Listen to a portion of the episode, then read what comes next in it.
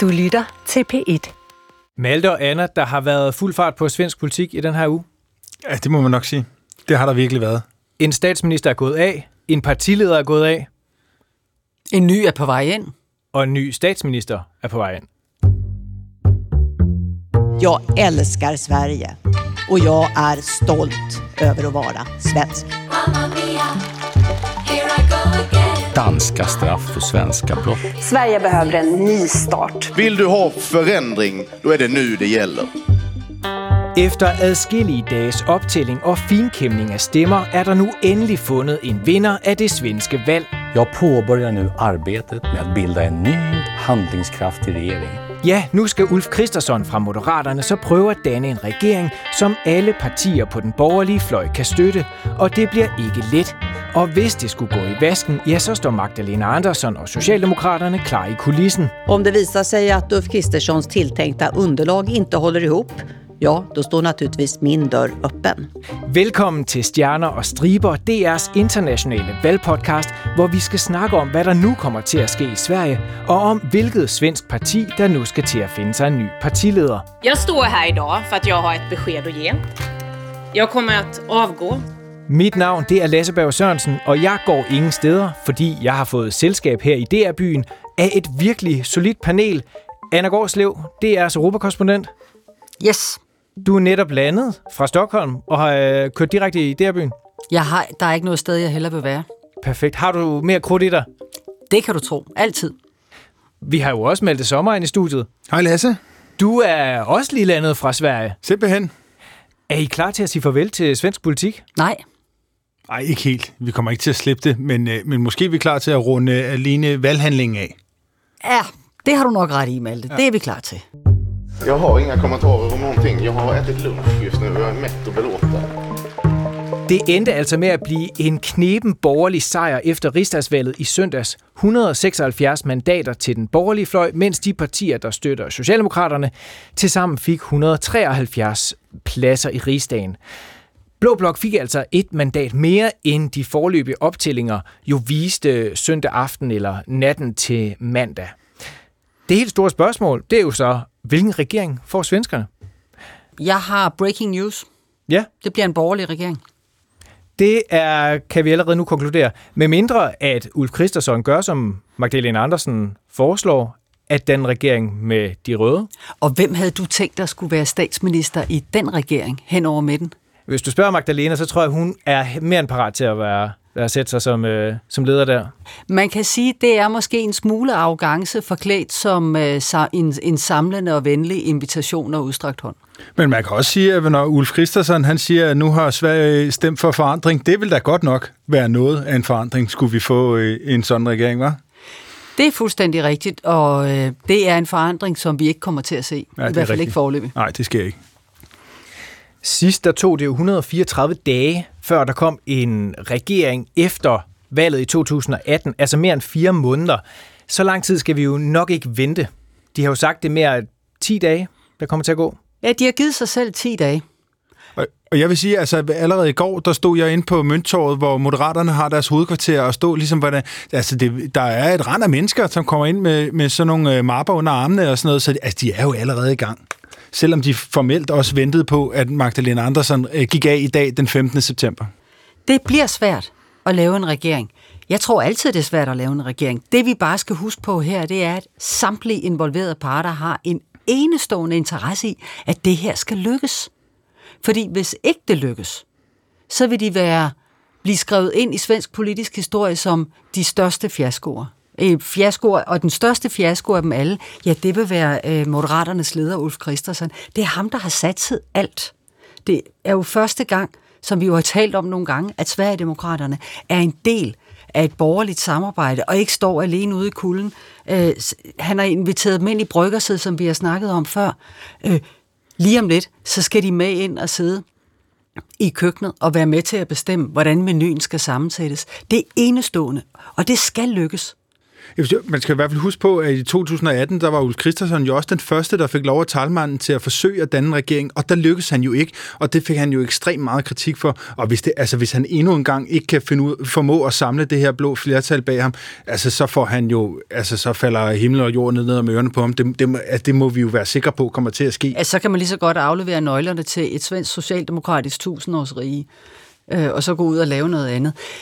De her mennesker, altså, du skal, vi skal også tænke på, at de har jo stået hele valgkampen og bulret frem og sagt, alt hvad der er galt i Sverige, stort set alt, det skyldes øh, otte års socialdemokratisk styre. Stem på os, stem på forandring, stem på en dynamisk genstart, stem på en ny kurs. Hvis ikke du er i stand til at lave en regering, blive nogenlunde enige om, hvad I har tænkt jer at gennemføre, og så skabe nogle forandringer ret hurtigt faktisk i løbet af måske allerede det næste halve år, som svenskerne kan mærke, ja, så vil du være dømt til at være en fiasko. Så, har, så er du simpelthen mislykket med det projekt, som du øh, har proklameret, at du er i stand til at gennemføre. Just nu er vi Sveriges næststørste parti. Just nu, da Liz Truss hun overtog øh, premierministerposten i Storbritannien efter Boris Johnson, snakkede vi om, at hun arvede en indbakke fra helvede at den er jo ikke meget bedre, end den som Ulf Christensen kommer til at få øh, Magdalena Andersen med. Og der er jo ny mail. Der er lige kommet mail fra Tyrkiet. Tyrkiets præsident Erdogan inviterer den nye svenske regering en tur til Ankara for at diskutere det her NATO-medlemskab. Tyrkiet har jo lang tid været sådan en bremseklods i forhold til svenskernes øh, mulige NATO-medlemskab, og det, det håber Erdogan og jo altså også den nye svenske regering på, at de kan, de kan simpelthen få lidt hurtigt kål på og komme i gang med den her ordentlige proces med at træde ind i NATO. Ja, der er masser at lave øh, for Christensen, fordi en ting er netop øh, øh, NATO, øh, som du taler om. Altså hver dag så sidder svenskerne vel nærmest og, og tjekker deres indbakke øh, efter... Øh, er der en mail om, at øh, jeg snart øh, får lidt hjælp til de her øh, energiregninger, til de her elregninger, som stikker fuldstændig af. I Sydsverige betaler man jo nærmest 10 gange så meget øh, for sin strøm, som man gør op nordpå. Det er en kæmpe ting, og det skal løses, og det skal løses hurtigt så er der hele, alt det, de er gået til valg på, kriminaliteten øh, og indvandringen, som øh, de jo også fælles er gået til valg på, den skal på en eller anden måde øh, ned. Der forventer de mennesker, der har stemt på Christensen og, de, og partierne omkring ham, at der sker noget, og at der sker noget hurtigt, og der sker noget, de kan mærke. Så der er masser at tage fat på. Og så må vi vel også forvente, at der ligger en mail til Ulf Christensen for Sverigedemokraternes øh, partiformand Jimmy Åkesson, som jo har nogle helt konkrete krav til, hvad en ny borgerlig regering skal kunne, før han vil støtte den. Han har sagt, 20 milliarder kroner skal bruge på retsvæsenet. Men, øh, og Anna, det spørgsmål sender jeg bare direkte videre til dig. Hvor skal pengene komme fra? Ja, se, øh, hvis jeg kunne svare på det, så kunne det godt være, at jeg kunne få et nyt job som... Øh, Finansminister som, måske? Ja, eller som, øh, som, øh, som økonomisk rådgiver for, øh, for den svenske regering. Fordi sagen er jo netop, at det ved de ikke engang selv. De er i hvert fald dybt uenige om det. Det er sådan, så øh, de andre, de gammelborgerlige partier, Moderaterne og Kristdemokraterne, Liberalerne, de vil tage det fra, øh, fra den forhøjede dagpengesats, som øh, svenskerne indførte under corona. Det vil Sverigedemokraterne ikke være med til. De vil hellere have pengene fra øh, ulandsbistanden. Det vil liberalerne bestemt ikke være med til, så hvordan pengene skal skaffes, det er der sgu ingen, der ved. Når vi så ser på en mulig regering, vi ved, at den bliver borgerlig, men hvordan kommer den til at se ud? Bliver det de her fire borgerlige partier sammen? Det er jo noget, de flere af de her partier har udelukket på forhånd. Eller er det en lidt mindre, måske kun med Moderaterne, eller Moderaterne og Kristdemokraterne? Altså man kan sige umiddelbart, så kunne man tænke, øh, eller, eller man kan sige plan A for Ulf Christensen øh, har længe været en lille borgerlig regering bestående af, af Moderaterne og Kristdemokraterne det har den indlysende fordel, at den er operationel, og så kan man øh, prøve at styre de der to størrelser, Sverigedemokraterne på den ene side, Liberalerne på den anden. Problemet er, så kan, står der øh, to, menneske, øh, to mennesker udenfor og tisser ind i teltet. Nogle gange så kan det jo være rart at have dem inde i teltet og lade dem tisse ud. Øhm, spørgsmålet... det er et smukt billede, ja. du... Øh... Jamen, kan I, I kan jo se det for jer. Ikke? Det ja, er, ja, det. Ja. altså, og der, problemet er bare, at det er meget svært at få liberalerne og Sverigedemokraterne til at overnatte i samme telt. Vårt Sverige kan bättre. Har I tjekket Ulf Christersons Instagram for nylig? Oh yes. Jeg gør det nu. Altså, hans øh, seneste opslag på Instagram er jo fyldt med folk, der skriver Hedi Frid i kommentarsporene. Og det skyldes en kampagne, der blev startet af ham her. Aldrig varit en ängel, alltid haft en ängel Kanske en liten hejaklack utav dem bror Det her det er rapperen Stor, som opfordrede øh, folk til at skrive Hedi Frid i øh, Ulf Christersons kommentarspor. Og det gør de. Altså, det, og der er nogle af dem, som tager de allernyeste, eller, og, og hvis de synes, at det er sjovt at brede sig, og det er der mange, der synes, der er, kan jeg se. Der er nogen, der har 16.000 kommentarer. Og øh, Hedi Frid, hun er jo en kendt forfatter og holocaust-overlever, øh, der kom til Sverige i 1945. Hvorfor vil øh, rapperen Stor her have folk til at skrive hendes navn? Fordi Ulf Christensen, øh, ligesom mange andre partiledere, øh, var på besøg hos Hedi Frid tilbage i 2018, øh, og avisen Dagens Nyheder var med. Ved det besøg, der skal Ulf Christensen have sagt, jeg lover, at jeg aldrig, aldrig, aldrig vil samarbejde med Sverigedemokraterne. Det blev efterfølgende citeret i avisen, og da Ulf Christensen så året efter sætter sig ned på sit kontor øh, og modtager Jimmy Åkesson til frokost, så bliver han udråbt som en svigter, en løgner, en mand, du ikke kan regne med, en mand, der er parat til hvad som helst for at få magten. Og han har altså skuffet den her 95-årige holocaust-overlever. Ja, og så tænk engang, altså, hvor, hvor, det, hvor detaljeret, hvor mærkeligt kan det blive. Ulf Christensen siger så, jamen, det var jo ikke mig og moderaterne, jeg mente. Jeg mente den gamle borgerlige alliance.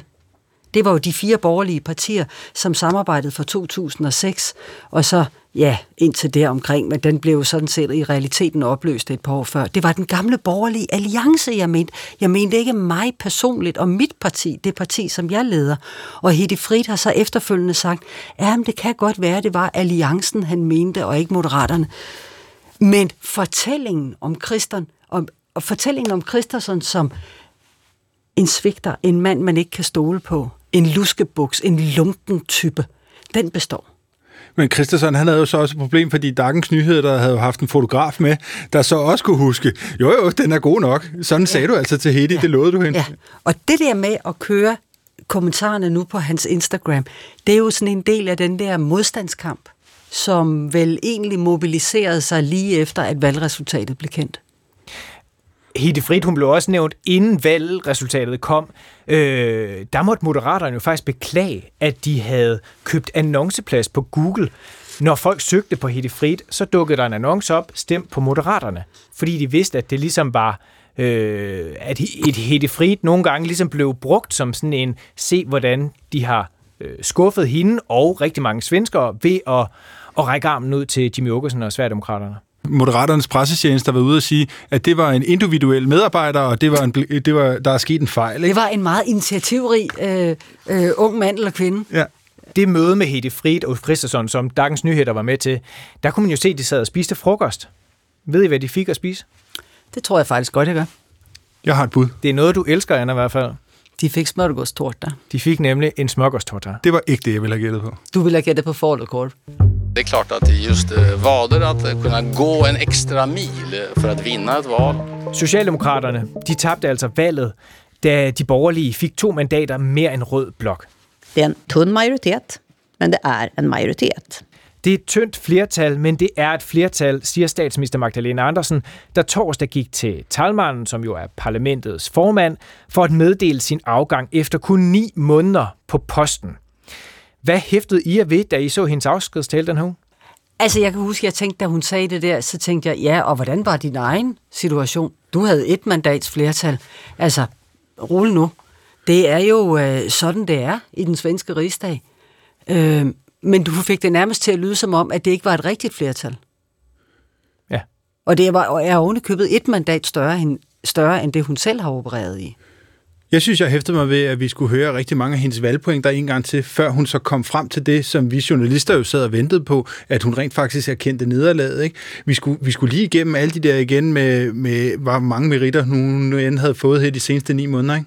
Ja, Det er fordi, ellers hører folk ikke efter. Hvis hun starter med at sige, at jeg går af, så er det eneste, folk tænker over. Ja, det er nok rigtigt. Vi skulle lige have alle øh, bedrifterne med, men også alle de problemer, som Sverige står overfor. Det fik hun altså også ridset op. Det här kommer bli en tuff och komplicerad mandatperiod. Det kommer til at blive en svær og kompliceret regeringsperiode, sagde hun. Jeg kunne ikke øh, andet end at høre det som en lille stikpille til Ulf Christensen. Altså, der er jo nogen, der i dag gør sig mundre over, at det kan egentlig godt være, hun synes, det er meget rart at slippe for at sidde med og skulle øh, håndtere en inflation på over 9 procent med et venstreparti, et centerparti og et miljøparti, der vil tre forskellige ting med landet. Jeg tror ikke, hun selv er nået dertil, hvor hun virkelig tænker, at det kunne være, at det er egentlig meget rart at slippe for. Nej, men hun, hun siger jo faktisk, at, at hun kommer til at, at blive siddende i opposition mod den her eventuelt kommende borgerlige regering. Altså, det understregede hun jo. Men altså, jeg, det jeg tænkte på, det var statsministerposten. Det er ikke den nemmeste periode, og det, og det er jo fuldstændig rigtigt. Det er ikke nogen nem periode, så det kunne godt være, at der et eller andet sted inde i hende er om nogle dage en fli af et lettelsens suk, øh, hvor man, hun får muligheden for at give øh, andre mennesker skylden for ting, der går galt. Jeg hæftede mig ved, at Magdalena Andersen virkelig talte dunder mod Sverigedemokraterne, og hun snakkede meget om den uro, som mange svenskere, ifølge Magdalena Andersen, føler nu, hvor Sverigedemokraterne endelig er kommet til magten efter øh, så mange år. Jeg ser er oro och jag delar den. Og der må man jo sige, at avisen Aftenbladet har jo beskrevet et sådan samfund, som hun jo nu, øh, jo, jo nu beskriver og frygter. Altså, hvis I lige prøver at lukke øjnene, ikke, så får I lige her for lederen. Køer har dannet sig ude foran metrostationen, og sikkerhedsvagterne gør, at du står i kø og venter tålmodigt. Stil dig derefter med benene vidt fra hinanden, mens en mand i skudsikker vest kører sine behandskede hænder hurtigt og effektivt ned ad dine sider. Uh, ikke? Det er altså Aftenbladet, de er sikre på, nu skal vi altså kropsvisiteres, inden vi skal ind på en svensk øh, metrostation. Det er altså det samfund, vi kommer til at kigge ind i, når, når Sverigedemokraterne støtter en borgerlig regering. Og man kan kun få farlokorv øh, i, øh, i de gamle kebabsteder. Man skal købe p-piller øh, på det sorte marked. Øh, fordi selvfølgelig er, er den fri abort, er, er retten til fri abort jo blevet udhulet, den er selvfølgelig blevet fjernet. Øh, at nyhederne er væk, kritisk journalistik er fuldstændig udraderet. Øh, der vil blive oplæst nogle passende svenske, øh, ariske må man forstå. Det ord bliver ikke brugt, men det er det, der er læst ind i det. Øh, deklamationer til folket, som de så kan tage imod det er jo helt vildt, det, øh, det man, skulle, man skulle tro, det var satire. Men det er på lederplads. Vi er, et, ved du hvad, vi er simpelthen i et spændfelt, hvor jeg tænker, jeg håber, der er noget satire i det. Men jeg kan bare ikke rigtig finde det sjove, fordi tit er, altså god satire er jo sjov, og det her er ikke sådan sjovt skrevet. Men der, men der kommer til at være nogle svenske vælgere, som ikke læser det her som satire. Altså det, men det er jo heller ikke satire, tror jeg. Jeg kan ikke få greb om det. Hvad siger du med alt det satire, eller? Det er i hvert fald specielt. Men det er jo den fortælling, som jo bliver skabt nogle steder i, i, i Sverige i lige præcis de her dage, om at vores demokrati, vores frihedsrettigheder som borgere, er på vej til at forsvinde. De er på vej til at blive udhulet. Kritisk journalistik, goodbye. Hvis du skriver noget dårligt om Sverigedemokraterne, så mister du din mediestøtte. Jeg fik selv en mail fra en, en avis, jeg abonnerer på. Jeg abonnerer på alle mulige svenske aviser, af alle mulige observanser. En af dem er en meget venstreorienteret avis, som med stor øh, dygtighed, deres oplysninger er i hvert fald aldrig nogensinde blevet bestridt, også i denne valgkamp har afsløret øh, sverigedemokratiske kandidater i at øh, sige ting, der er nazistiske eller racistiske, eller være medlem af organisationer, man simpelthen ikke kan være medlem af, hvis man også skal stille op i et demokratisk valg. De skriver i dag til deres abonnenter, og dem er jeg så en af. Er du klar til modstandskampen, Anna? Du skal bare vide, at lige om lidt, så forsvinder vores mediestøtte, fordi man kan jo ikke ustraffet afsløre Sverigedemokrater på i at gøre, som Sverigedemokrater nu gør, så er du klar til at støtte os som et led i modstandskampen. Altså det er som om, de tror, at al demokratisk kontrol, at al øh, parlamentarisk øh, kontrol og debat nu er sat ud af verden. Ved, ved I, hvem ham øh, Timbuktu er? Han er, han er svensk rapper. Ja. ja. Har I set, hvad han har skrevet på Instagram? Ja. Men, hvor, hvor han jo skriver til alle brune og, og sorte mennesker i Sverige, ikke? bare roligt, det bliver, det bliver nogle hårde år det her, men vi har demografien og tiden på vores side. Altså det er jo også altså, og, og ligesom på den måde begynder at tage den ind og snakke om befolkningsudveksling og sådan noget, det, det, altså, det er jo nogle, nogle lidt spøjse og uhyggelige ting, der sker i den svenske offentlige debat lige nu. Ja, det er, det er hårdt, det er til tider øh, hadefuldt, og øh, i, i hvert fald ret ofte med, med en, en fuldstændig mangel på respekt for den, øh, for, for, den, for den anden part. Vi taler tit om, at vi, er, vi kan være grimme ved hinanden på, øh, på sociale medier, men altså nogle gange, så skal man altså have et koldt omslag om panden, når man har været 10 minutter på svensk Twitter. Ja, den rødgrønne fløj kalder jo jævnligt øh, Sverigedemokraterne for nazister og fascister osv., og, og vi har jo også talt om, hvordan tonen er grov over hos Sverigedemokraterne. Vi havde jo helt det her øh, metrotog til Kabul osv., ikke? Og Linus Bylund forleden. Ja, der snakker om øh, det, som man kalder for journalist rugby, som man vil forstå er, er sådan en form for, hvor man, hvor man hårdt skuldertakler journalister, når man er på vej ind og ud af, af, af pressemøder osv. Det er så en højtstående sverigedemokrat, skal vi lige huske at sige. Ja. Mycket jobb antagligen. Eh, och mycket av det som vi kallar för journalistrugby. Hvad mener du med det? Ja, att man knuffar journalister. Og, og Sverigedemokraterne har jo også været i indfight med SVT her på det seneste. Ikke? SVT havde inviteret dem, der hedder øh, den svenske komité for antisemitisme, ind til sådan et, øh, et lille snak om, hvad, hvad for et Sverige vi nu kan vente os. Og der var Bjørn Søder. Øh, han er meget højtstående Sverigedemokrat. Han er en af dem, der hedder Firbanden, som ligesom er en af dem, der læste på Lunds Universitet med Jimmy Åkesson helt tilbage, inden de gik ind i partiet der i midten af 90'erne. Og Bjørn Søder, han har så ude at sige, prøv at høre, SVT, det der, det var ren propaganda. Og altså, nu diskuterer de jo ivrigt, at det her, det er et, øh, simpelthen et angreb på, direkte på public service institutionen, som man jo ikke må røre ved i Sverige. Jeg kigger på dig, Anna. Ja, men det er jo fordi, øh, når det er så svært at have en, øh, en, en åben og fordomsfri debat, øh, det ser vi også på, øh, på spørgsmålet om SVT. Nu er det sådan, så SVT får øh, 8,5 mil, øh, milliarder kørt ind hvert eneste år, og, øh, og er opbygget på en måde, så det består af sådan tre uafhængige søjler. Men SVT koster rigtig mange penge. Nu er det så blevet sådan, at det er nærmest umuligt at diskutere åbent og fordomsfrit, øh, kunne vi få noget mere for vores penge? Laver SVT det rigtige? Er det egentlig tidsvarende, at man har sådan en hel radiosøjle og en tv-søjle og en tredje uddannelsessøjle? Skulle man måske prøve at gøre tingene lidt smartere? For det vil blive lynhurtigt opfattet som et angreb på ytringsfriheden. Men Bjørn Søder, lige tilbage til ham, han kan jo måske være i spil til en, øh, til en høj post, fordi at Sverigedemokraterne, de har jo sagt, kommer vi ikke med ind i regeringer for ministerposter, så vil vi som minimum være formand for riksdagen, det der hedder talmand, og der bliver Bjørn Søder altså nævnt som, øh, som det bedste bud på det. Og det, altså, det kunne jo være interessant, hvad det er for nogle debatter, han i så fald skal være med til at starte derinde i rigsdagssalen. Det, det er da virkelig interessant, men altså Moderaterne har jo været ude at sige, prøv at høre her, det er regeringens største parti, der udpeger, hvem der skal være talmand i rigsdagen. Det er ikke nødvendigvis bare det største borgerlige parti. Ja, men Sverigedemokraterne får Moderaternes fine gamle lokaler lige over for rigsdagen, fordi nu er Sverigedemokraterne blevet rigsdagens andet største parti. Moderaterne har boet der i over 50 år, men nu skal der ryddes ud. Det må gøre ondt på Moderaterne. Oh yes. Sverigedemokraterne fik også kritik for, at der var en af deres øh, partimedlemmer, der sagde helsikker til øh, valgfesten i søndags. Ja, hun var ret fuld. Er det ikke rigtigt, Malte? Men det var der jo en del, der var. Øh... Var hun en del af det der Jimmy Futtog? Ja, der, der kørte hun med. Helt bestemt, men altså, hun, hun var virkelig beruset hele aftenen. Øh, og, det skal jo ikke være en undskyldning. Og så vender hun ordet om og siger, at det er en seger herlig, altså en sejrs weekend. Men det der herlige seger er jo en øh, direkte reference til øh, et gammelt at hejle, simpelthen. Det, det var ikke godt.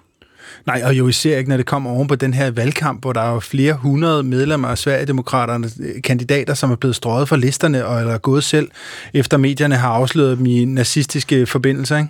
Ja. Min mamma hade imponerande vader med tanke på sin kroppsstorlek i övrigt. Socialdemokraterne de klarede det jo faktisk ret fint her til valget. De gik 2 procentpoint frem. Men årsagen til, at øh, statsminister Magdalena Andersen nu ikke længere er statsminister, det er jo faktisk Venstrepartiets skyld og Centerpartiet, fordi de gik begge tilbage. Og det har partilederen for Centerpartiet nu øh, taget konsekvensen af. Hun øh, valgte i torsdag eftermiddag at øh, trække sig. Den resa som för mig började den 23 september 2011, för 11 år sedan alltså, kommer snart att ta slut. Den rejse, jeg begyndte i 2011, er snart ved vejs ende, sagde Annie Løf på et øh, pressemøde i dag torsdag, hvor vi jo optager. Det var jo ikke den største overraskelse, at Annie Løf, hun, øh, hun nu stopper. Nej, særligt ikke efter det valgresultat. Det er jo, de har jo virkelig fået en, øh, en vælgerlusing. Og så har Annie Løv i årvis, måske som den stedigste kvinde i øh, svensk politik, talt om brede løsninger hen over den politiske midte, samtidig med, at det ene parti efter den anden forlod den der politiske midte. Øh, så i virkeligheden så stod Annie Løv alene der tilbage, og spørgsmålet er, hvad skal der ske? Øh, dels med partiet, men så sandelig også med deres placering i svensk politik. Centerpartiet plejede jo faktisk at høre til i alliancen, som vi snakkede om før, men valgte så at gå over i den rødgrønne fløj. Kan det tænkes, at de hopper over grænsen igen over til Ulf? Med en ny leder måske. Det vil jo ikke være så dumt for en borgerlig leder i hvert fald. Men altså, alt kan ske. Dagen efter valgaften, der sagde Annie Løf, at hun selvfølgelig var ked af resultatet, men at hun faktisk også var lettet over ikke at være kommet noget til. En lättnad över att inte kommit till skada. En tacksamhet över att senare på dagen kunna hämta min äldsta dotter på fritids. Jeg var også lettet over ikke være kommet til skade, og taknemmelig over at hente min ældste datter på fritidshjemmet, sagde Annie Løf på pressemødet. Øh, jeg tænker, hun refererer til Almedalsvækkeren i år, det er rigtigt, at en, øh, en embedsmand, en kvindelig embedsmand, eller blev dræbt på øh, under øh, Almedalsvækkeren. Øh, og det viste sig senere, da gerningsmanden var blevet anholdt, at Arne Løv også stod på, øh, på gerningsmandens liste. Så selvfølgelig øh, var det en, øh, altså en brut, brutalt at være, at være en del af, selvfølgelig.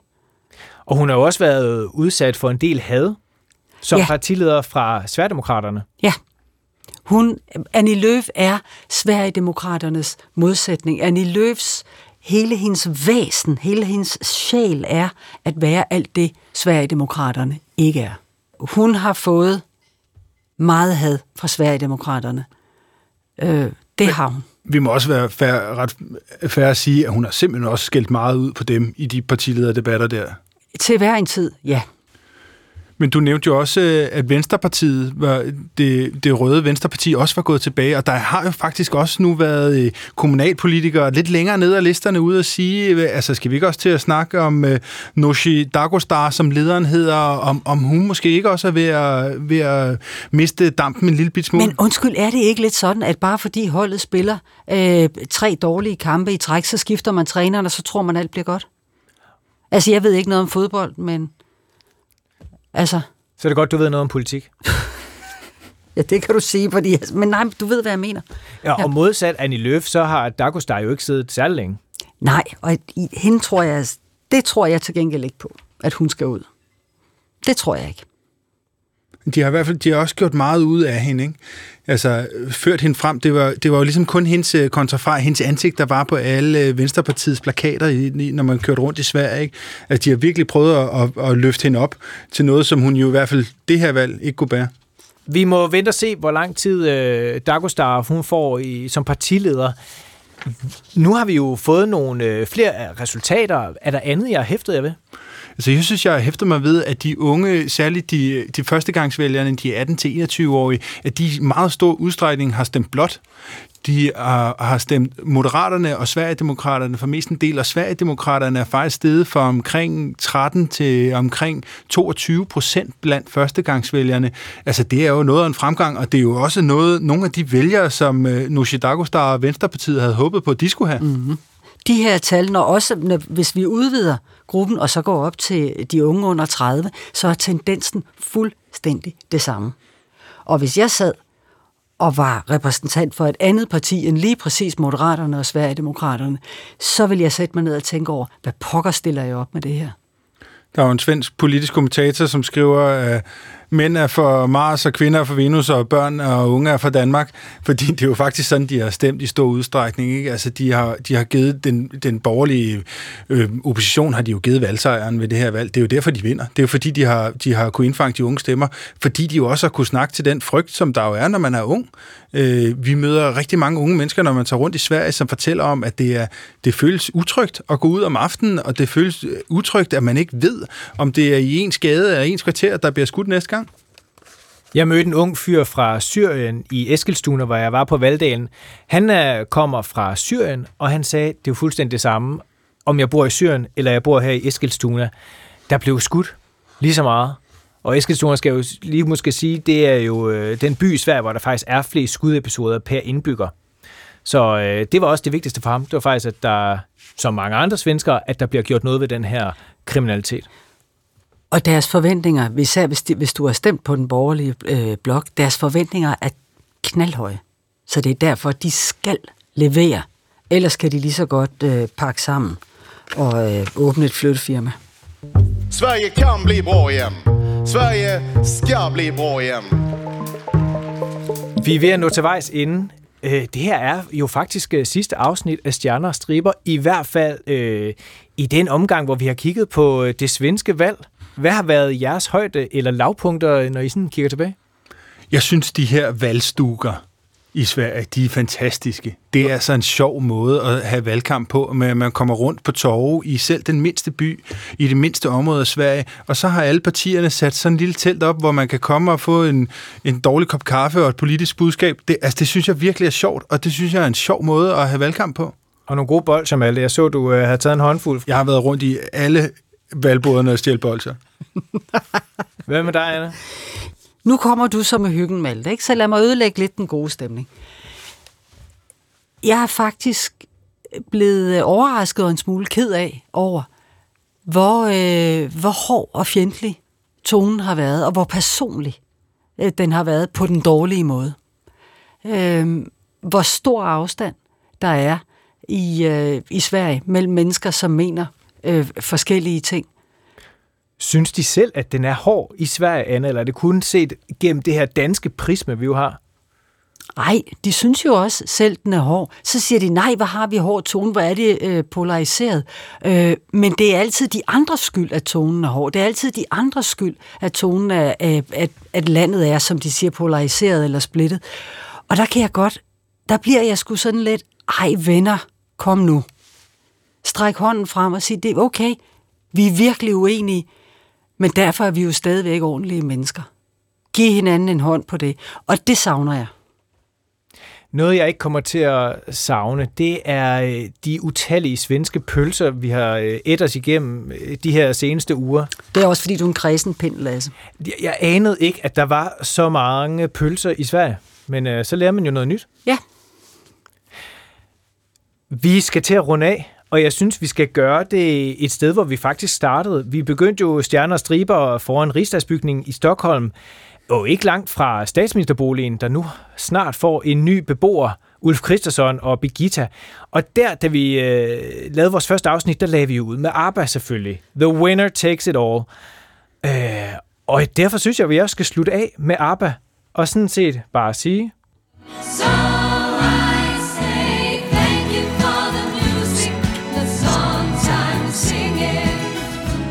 Ja, tak for musikken. Selv tak, venner. Tak for godt selskab. I lige måde. Tak for alt.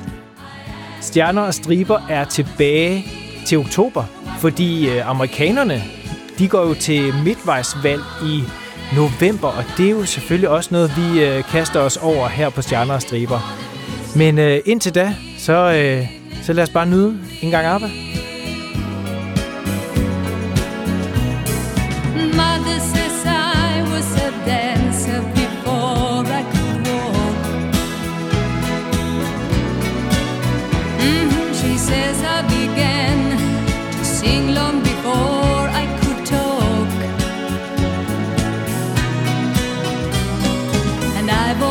one.